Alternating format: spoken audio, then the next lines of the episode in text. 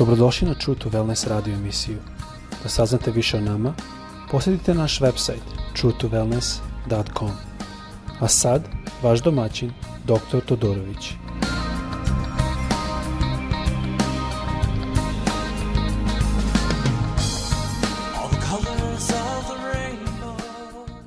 Ljubazni, dobrodošli na naš podcast. Ovo je sada sedma epizoda gde gledamo na Petra iz raznih a, pogleda, što nam reč Bože pokaza, mislim da je jako korisno da malo pogledamo e, iskustva Petrova koji je pratio Hrista i kroz to možemo malo više znati o Hristu. A gledali smo najme na početku kako je Petar hodao po vodi, jedini od učenika koji je hodao po vodi i što to znači. Malo smo gledali o tome um, kako je on počeo da gubi veru i počeo da tone i Hrist ga je dohvatio i malo smo govorili o tom jezeru i šta je jedinstveno u tom jezeru. Onda smo isto gledali Mateju 16. glavi gde je Petar bio kamen i njegovu ispovest da je rekao ti si Hrist, sin živog, Boga živoga. To je jako bitno šta to znači. Onda smo gledali isto na to što je bio just par a, stihova kasnije Isus mora reći Petru e, beži od mene Sotano. A, znači, ova je situacija da je a, par stihova prije Duh Sveti, to je Bog, a, Otac govorio kroz Petra, a posle toga je Isus morao da mu kaže beži od mene Satana i šta to znači, zašto je to bilo. Onda smo isto gledali šta to znači da je Isus rekao da a, pakao i smrt neće nadladat njegovu crkvu, isto da crkva njegova ima ključeve carstva Božeg, onda smo isto gledali situaciju Jovanove 13. glava 21. stih i drugi stihovi koji nam pokazuju a, kad se Petar odreko Hrista a, i šta to znači, a zašto se Petar odreko Hrista, zašto a, kada je Juda Iskariot koji je pogrešio i izdao Hrista. on se isto pokajao i Petar se pokajao, ali Petrova pokajanje se prihvatilo, ali Juda Iskariot nije. I gledali smo zašto, jer Bog je pravedan. On ima razlog zašto nije i shvatili smo da je, je razlika da je Petar verovao Hristu. On je imao veru u Hrista, on, to mu je bila mana i on se odrekao zato što se uplašio, jer nije imao silu Božju, ali je verovao. Ljubio je Hrista, dok Juda Iskariot nije verovao i čak znamo da je Isus na par mesta čak izjavio da to nije, e, da jedan od vas je džavo, tako Isus rekao. Malo smo ušli to šta znači to džavo, e, šta znači ta reč, jer mnogi ljudi ne svačaju da ta e, reč znači onaj koji klevetično i lažno optužuje drugog, a to je upravo reč džavo, i a, moramo paziti svakako da to ne pripada nama. Ali ovaj put želimo govoriti, u ovoj epizodi želimo govoriti o Petru koji je u sili. Ovo je sada divna promena slike. Otišli smo od situacije da je Petar a, bio, da kažemo, stalno pravio greške, ispade, ovo ono, ali je ljubio Hrista. I Isus je njemu rekao, kad se povratiš, učvrsti svoju braću. Ovo je Isus rekao Luci 22. glava 32. stih, zadnji del stiha. Tako da vidite da je ovde vrlo jasno Isus rekao Petru kad se obratiš, kad dođe sebi. I šta to znači? To vidimo u dela apostolska šta se desilo kad je Petar došao sebi.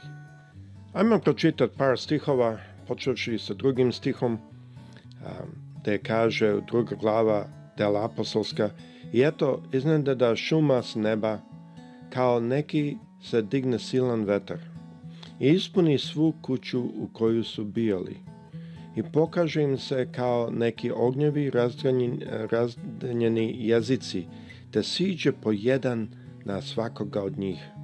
Svi se napuniše duha svetoga i počeše govoriti drugim jezicima, kao što im već duh dade zboriti. E, sada, to je drugi stih do četvrtog, uključujući četvrti.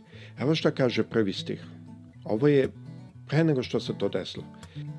Kad je napokon došao dan pedesetnice, svi su bili zajedno na istome mestu. Zapazite ovde što kaže. Pre nego što Duh Sveti došao dan, pre nego što su jezici bili razdanjeni svuda, bili su svi zajedno na istom mestu.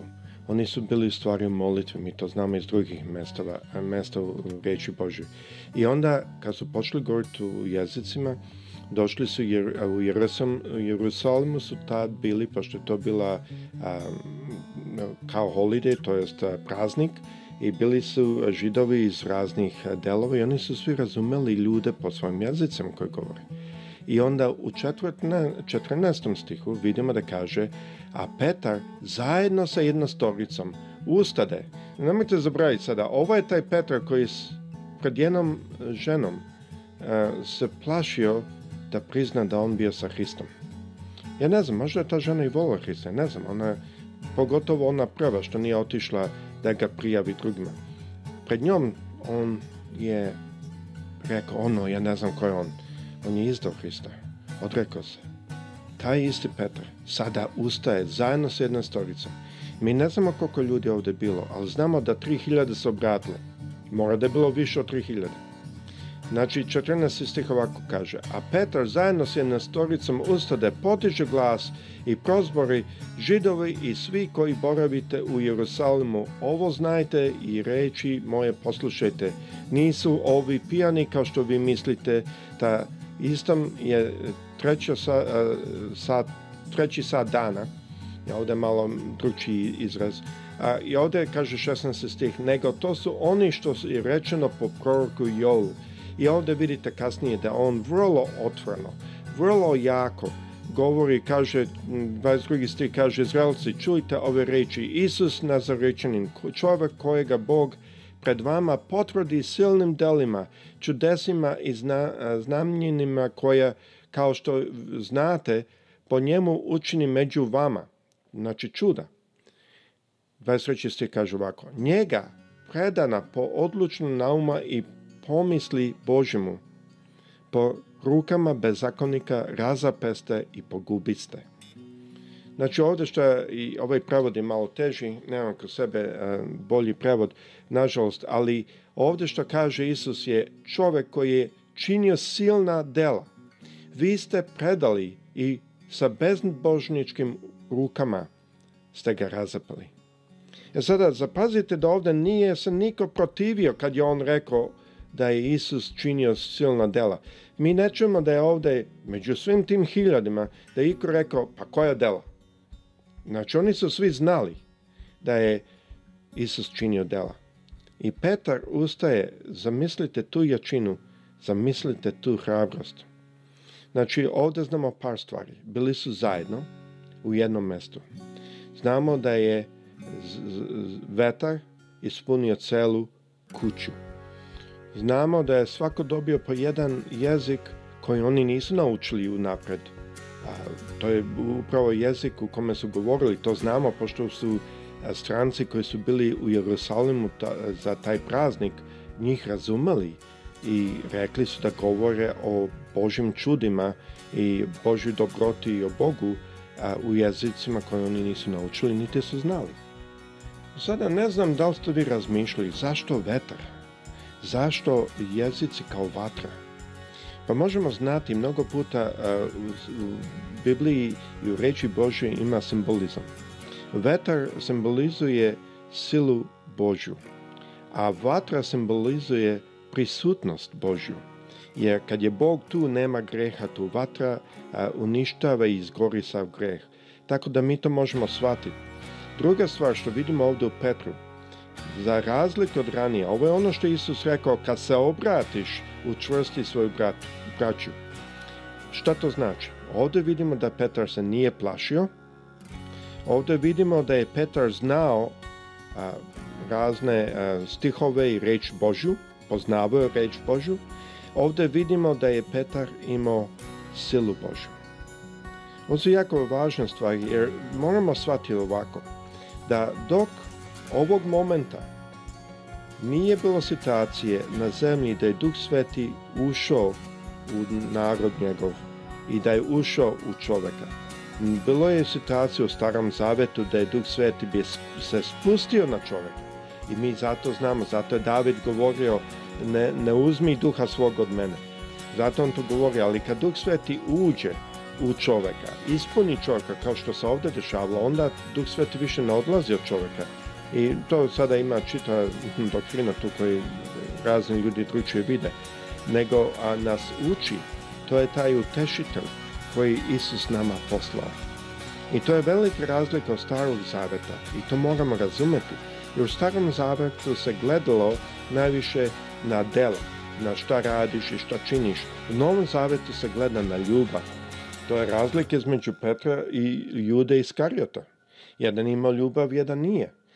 Tako da mnogi kažu, o pa znači novi zavet je o ljubavi, o blagodati, mi ne moramo se brinuti o delima.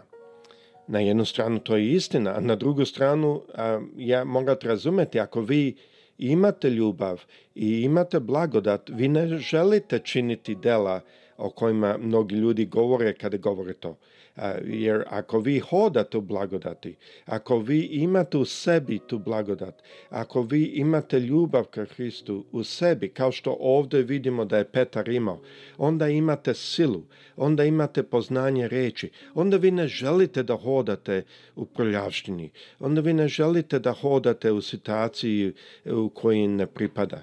Tako da, iako to a, je tačno, da mi smo sada u doba a, blagodati, nismo više u doba zakona, ali ako neko živi neispravno, to pokazuje da on uopšte nema blagodat. Tako da mislim s jedne strane, mnogi pastori se plaše da propovedaju tome jer misle da će ljudi onda ići slobodno živjeti kako hoće. Ali ako ja imam blagodat, ako ja imam ljubav ka Hristu, zadnja stvar što ja želim da radim je da živim na neispravan način. Tako da ovo je nešto što moramo shvatiti i ovo je u stvari jako veliki deo evanđelja i mnoge crkve to ne svate. Mnoge crkve gledaju kako živimo, pa živimo ovako, živimo onako. Mnoge crkve osuđuju svoj pastor, pa taj živi ovako, taj živi onako. Ima, reč Bože, ima metodologiju za sve to, ali mi moramo znati da moje mesto i moj posao je da živimo blagodati u ljubavi ka Hristu Isusu. To je razlika što je se desila u Petru ovde. Ne išta drugo. On nije nešto puno drugčiji. Ovo svega 50 dana od kad je on odrekao se od Hrista, malo više od 50 dana, od kad se on odrekao od Hrista. Ali vidite kakva razlika u ovom čoveku. I zato ovde kaže, a, je Isus rekao, ako se setimo u Luci 22, 32 stih, rekao kad se obratiš, ojačaj svoju braću. To je on rekao Petru. I tu možemo videti da način na koji Bog želi da hrišćani hodaju ovde, što vidimo po Petru, je ne da hodamo u strahu, jer Bog nam nije dao duha straha, nego sile, ljubavi i čistog razuma ili čistog judgmenta, kaže, čistog prerasuđivanja, a, kaže u drugim prevodima. Moramo znati da je to ono što je nama dano. Sada u narednoj epizodi ću govoriti o Petru Pobedniku. Petar koji je vodio crkvu napred i pobeđivao sve što je dolazilo pred njim. Tako nadam se da uzmete vreme malo da studirate, mislim da će vam on biti od, od koristi, a gospod sa svima vam prijatelji.